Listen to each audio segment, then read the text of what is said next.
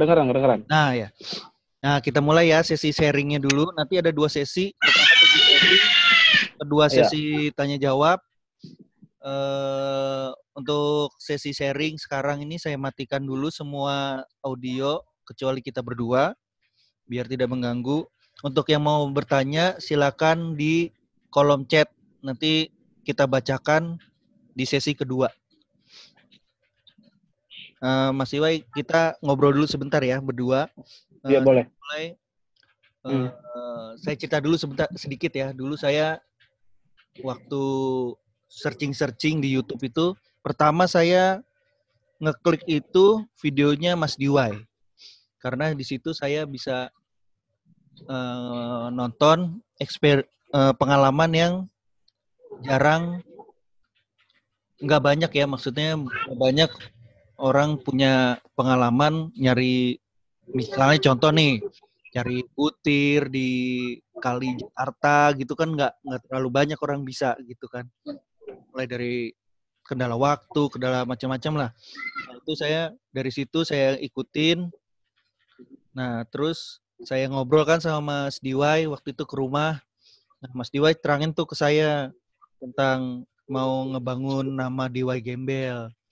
Nah saya mau bertanya nih Mas Diwai awalnya gimana tuh bisa menemukan nama yang eh, stand out apa ya maksudnya orang gampang mengingat gitu di YGMB. Terus pertama itu, yang kedua apakah Mas Diwai itu memang mempunyai planning atau rencana untuk membesarkan nama Diwai Gembel gitu. Mulai dari situ. Iya. Silakan Mas Diwai. Iya. Iya, kalau bicara jujur-jujurnya gitu ya, eh, itu di Gembel itu tercipta dari eh, bully, bulian dari seseorang eh, dalam satu grup ya. Dulu saya punya grup di Jakarta Utara. gue kalau cerita kayak gini sedih loh. Iya, Kan dulunya Jadi sedih, gua punya- sekarang happy. iya. gue punya grup dulu di daerah Jakarta Utara. Ya di situ intinya kita bicara intinya, intinya gue ditendang lah dari grup ditendang, gitu. Dengan catatan itu uh, dengan alasan itu ikan gua uh, kelas SD semua gitu kan. Ikan gua kelas SD semua. Uh, dan di situ gue selama tiga bulan gua uh, gua ketika gue udah dikeluarin dari grup ya uh, dulu masih grup-grup pertama kali ada WA gitu ya. Uh, grup WA pertama kali ada grup WA di internet gitu ya. Nah terus uh, gue mikir setelah dikeluarin gue mikir selama tiga bulan gimana caranya uh, gue punya nama di dulu tujuannya punya nama di Jakarta Utara gitu loh. Punya nama di Jakarta Utara gitu. Nah ketika selama tiga bulan itu gue mikir ketika uh, bulan ketiga, uh, ketiga udah tiga bulan itu gue gimana udah dapet lah solusinya. Solusinya itu uh, ya gue harus uh, publish gitu di internet gitu kan publish di internet uh, biar orang tuh tahu uh, gua. Intinya bukan tahu gua aja tapi tahu ikan-ikan gua gitu. Nah itu gua mulai uh, bikin channel YouTube tapi nggak nggak bikin dulu tapi gua uh, cari cari nama gua yang gampang diingat dan cari uh, karakter gua gitu. Ya. Nah kebetulan waktu itu karakter nggak usah dibikin nggak usah dibikin. Karena apa? Karakter gue itu emang gue itu dulu orang nggak mampu lah ya orang gembel gitu ya. Orang nggak mampu cuman uh, berhubung nama gue ini udah dikenal dari tahun 92 nama DY yang bukan nama asli dulu di kampus itu di kampus gue itu gue dipanggil DY itu inisial. Inisial dari nama asli Dedi Yusolianto jadi kalau disingkat itu DY cuma diucapin dalam bahasa Inggris jadi DY gitu. Dulu di kampus itu dikenal dengan nama DY dari tahun 92 nah sampai akhir di uh, ketika gue bikin YouTube gue mau cari karakter uh, fisik sama karakter nama ya uh, biar orang paham biar orang tahu biar orang selalu ingat ya gue uh, ya udah dengan kegembelan gue aja gitu yang aslinya asli bener-bener gembel gembel terus uh, gue bikin karakter. Jujur jujur masalah pakaian itu karakter. Pakaian itu gue dulu nggak nggak begitu nggak urakan gitu. Rambut gue rapi dulu ya. Rambut gue rapi terus gue gue bikin karakter gembel begitu. Biar diingat sama orang seperti itu om Hmm. Hmm. Berarti memang harus ada pembentukan karakter supaya ada ini ya, Mas, diferensiasi sama yang lain gitu ya. Iya, gitu.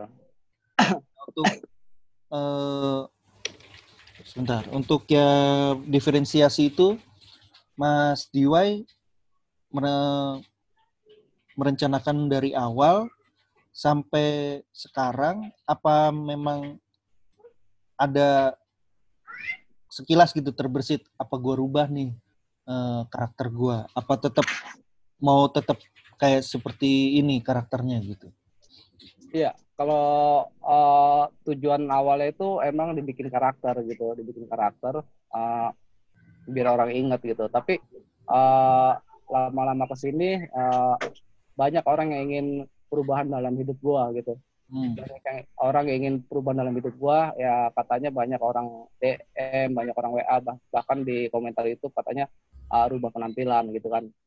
Tapi sepertinya itu eh, karakter itu udah menjiwai di tubuh gua gitu udah menjiwai dan gua misalnya misalnya gua dengan rambut acak-acakan terus tiba-tiba gue cukur rapi kayaknya kayaknya udah lucu gitu udah malah nggak enak dilihat gitu atau mungkin dengan baju-baju baru bisa aja gue beli baju-baju mahal gitu tapi kayaknya udah nggak menjiwai di tubuh gua seperti itu Nah pas kan dari awal nih Mas Diwai, terus Hmm. pasti Mas Diwai ada titik di mana sadar kalau wah ternyata branding gue berhasil nih. Hmm. Nah itu setelah Mas Diwai sadar akan keberhasilan Mas Diwai dalam branding, yang pertama Mas Diwai putuskan atau lakukan tuh apa? Ya itu eh, pertama kali eh, gua eh, dikenal sama orang itu ketika ini pengalaman pengalaman yang nggak bisa gua i- apa lupain sampai sekarang itu ketika eh, gua belum pernah ke mana-mana gitu, gua belum pernah ke mana. Selama gua eh, dagang cupang dan bikin YouTube itu gue di rumah aja gitu, di rumah aja. Gua nggak pernah pergi ke mana-mana karena eh, waktu itu emang ikan gua waktu dulu nggak seperti sekarang banyak ya. Kalau dulu tuh gue lebih banyak gitu loh. Itu jadi gua konsen ke ikan cupang gua aja gitu dah. Terus eh, ketika anak gua ngajak gua beli apa namanya beli eh, kelinci di Jatinegara dan gue belum pernah ke Jatinegara sebelumnya belum pernah. Nah gue dapat eh, dari teman kalau beli kelinci Jatinegara. Waktu itu gue berangkat itu eh, masih udah siang eh, jam 7 pagi lah nah ketika gue berangkat ke Jatinegara itu gue masih ingat follower gue itu masih 3000 uh, bukan follower, sub subscriber gue itu masih 3000 subscriber. Ketika gue di datang sama istri dan anak ke Jatinegara itu tiba-tiba itu satu uh, pengunjung Jatinegara itu kenal gue.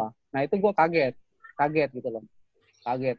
Dan di situ uh, banyak uh, banyak orang minta foto. Nah itu gue kaget.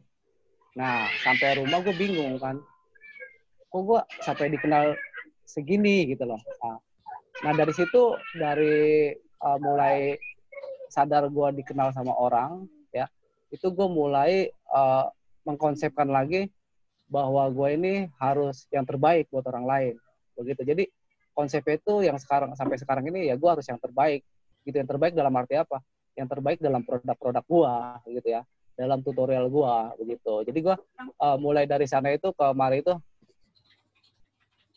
dari mulai sana kemari tuh gue udah mulai uh, rubah konsep konsep yang tidak asal-asalan gitu. Karena gue uh, menjadi uh, apa namanya menjadi uh, mata orang itu buat uh, bermain ikan cupang itu tertuju ke gue jadi gue mulai sadar kalau gue itu harus yang bener-bener bener-bener uh, bikin konten atau perilaku yang benar seperti itu om Hmm. Itu Iya sih saya ngeliat tuh di video di channelnya Mas Diwai itu buatannya udah sangat rapi. Makin lama makin ke sini makin bagus gitu. Nah terus banyak lebih banyak kolaborasi. Nah itu Mas Diwai dari kolaborasi kolaborasi itu eh, berdampak nggak ke subscriber, follower, nama Mas Diwai sendiri gitu? Iya. Uh, pertama kali gua kolaborasi misalnya kunjungan ke farm gitu ya, kunjungan ke farm. Maksudnya ini kolaborasi uh, syuting di farm atau kolaborasi dengan artis? Maksudnya gimana nih?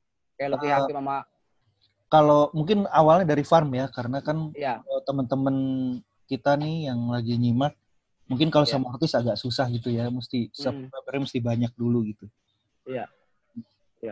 Ya, eh, jadi eh, pertama itu pertama farm yang gue kunjungin ya benar-benar farm yang eh, orang petani ikan cupang tapi nggak bisa jual ikan cupang gitu. Jadi tujuan gue itu sebetulnya bukan collab tapi tujuan gue itu sebenarnya ingin orang tuh tahu bahwa di sini tuh ada farm gitu, di sini tuh ada petani ikan cupang gitu. Awalnya, awalnya gitu. Nah, pertama kali farm yang gue kunjungin itu eh, farm orang tua ya Pak Asep ya, legend ikan cupang dari dulu ya di daerah Selipi. Itu gue eh, dapat eh, dari orang bahwa di sini ada petani yang tidak bisa menjual ikan, tidak bisa kirim ikan, tidak bisa eh, apa namanya publish di halayak umum gitu. Makanya gue datangin dan gue bantu beliau hingga satu tahun penjualannya semuanya gue yang yang jualin gitu. Nah dari situ kok eh, dari semenjak itu namanya Pak Asep ya dari situ kok eh, follower gue dan subscriber gue tuh meningkat gitu meningkat. Eh, mereka positif semua pemikirannya katanya eh, gue itu orang yang mau membantu eh, petani lain padahal gue sendiri itu dagang ikan. Padahal gue sendiri dagang ikan tapi gue tuh mau menjualkan ikan orang lain gitu.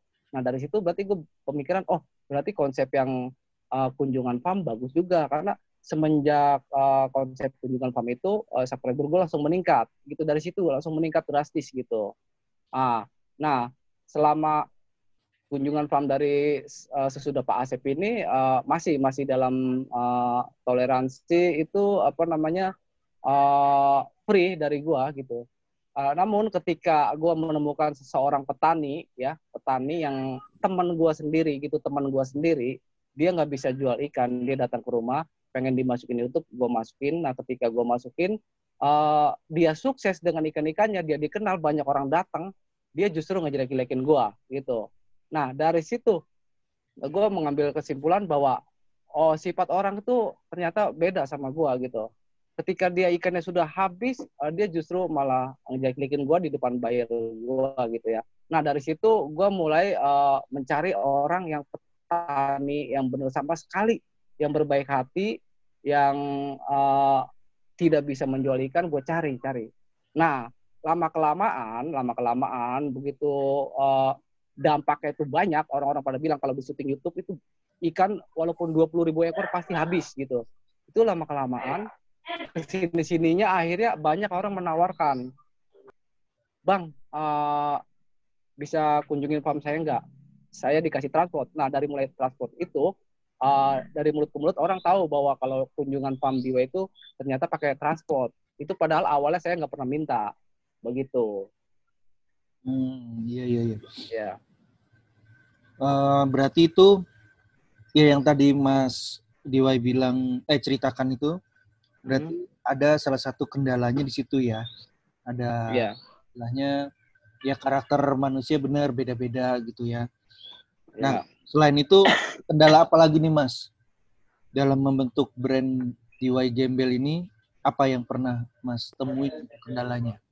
Ya, uh, mungkin kalau masalah itu Om Ajis lebih paham dari saya ya. Uh, untuk menciptakan sebuah brand ya, brand itu apa sih? Ya, banyak mungkin orang masih belum yang di sini belum ada yang tahu bahwa self branding itu seperti apa, maksudnya itu apa, tujuannya apakah penting buat suatu perusahaan, buat independen perorangan gitu ya. Itu sangatlah penting gitu. Karena brand sendiri itu uh, diartikan sebagai ajang promosi diri kita sendiri ya. Minimal diri kita kita tidak bicara masalah perusahaan bukan. Kita bicara perusahaan tapi kita bicara masalah independennya diri kita sendiri. Apakah branding itu penting gitu ya? Ya itu sangatlah penting sangat penting. Kalau kalau lu bermain produk entah produk uh, uh, makanan ikan entah produk apa atau mungkin kita fokus ke ikan cupang. Kalau kita punya produk ikan cupang kalau kita nggak uh, mau nge-branding diri sendiri ya mendingan tutup aja gitu. Mendingan udahan aja mendingan kerja aja. Seperti itu. Mendingan kerja gitu kan. Jadi uh, sia-sia lah. Sia-sia kan kalau kita itu ikan cupang kita produk kita tuh yang beli cuma teman-teman kita. Itu ya sia-sia. Mendingan tutup akun aja gitu. Jadi uh, kita itu itu uh, self branding ya branding uh, brand diri kita sendiri.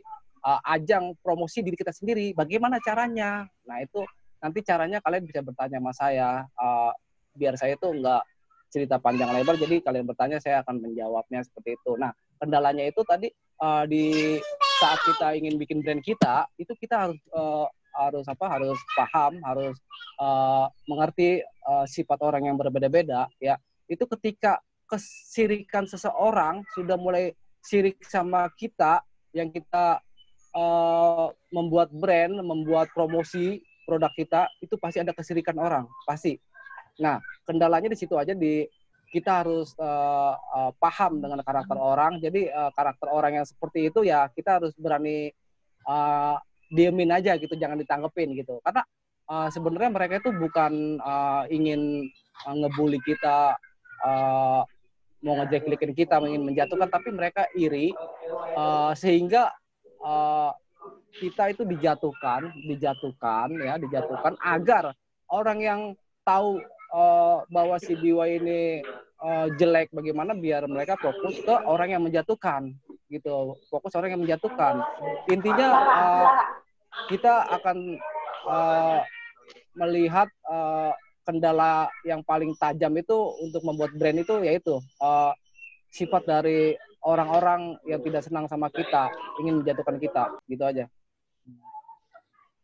kalau menurut Mas Diwa ini Nih hmm. kita berdua punya pengalaman nih, kayak head haters yeah. nih. Iya. Yeah. Nah itu kan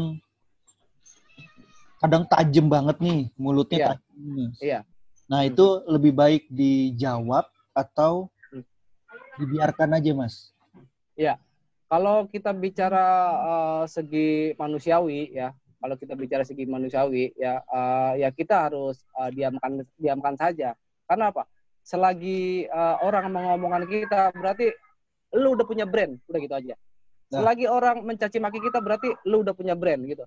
Tetapi uh, saat itu beda sama gua karena uh, gua ini uh, salah satu uh, orang yang mau punya nama. Jadi ketika banyak orang nyinyir uh, karena waktu itu jiwa gua jiwa-jiwa walaupun uh, jiwa gua usia gue udah tua tapi jiwa gue tuh jiwa emosi gitu. Jadi gue tanggepin gitu. Tapi ketika gue dapat uh, apa namanya dari orang tua dari ibu gue yang masih ada itu dikasih tahu udah kayak gitu mah dimin aja.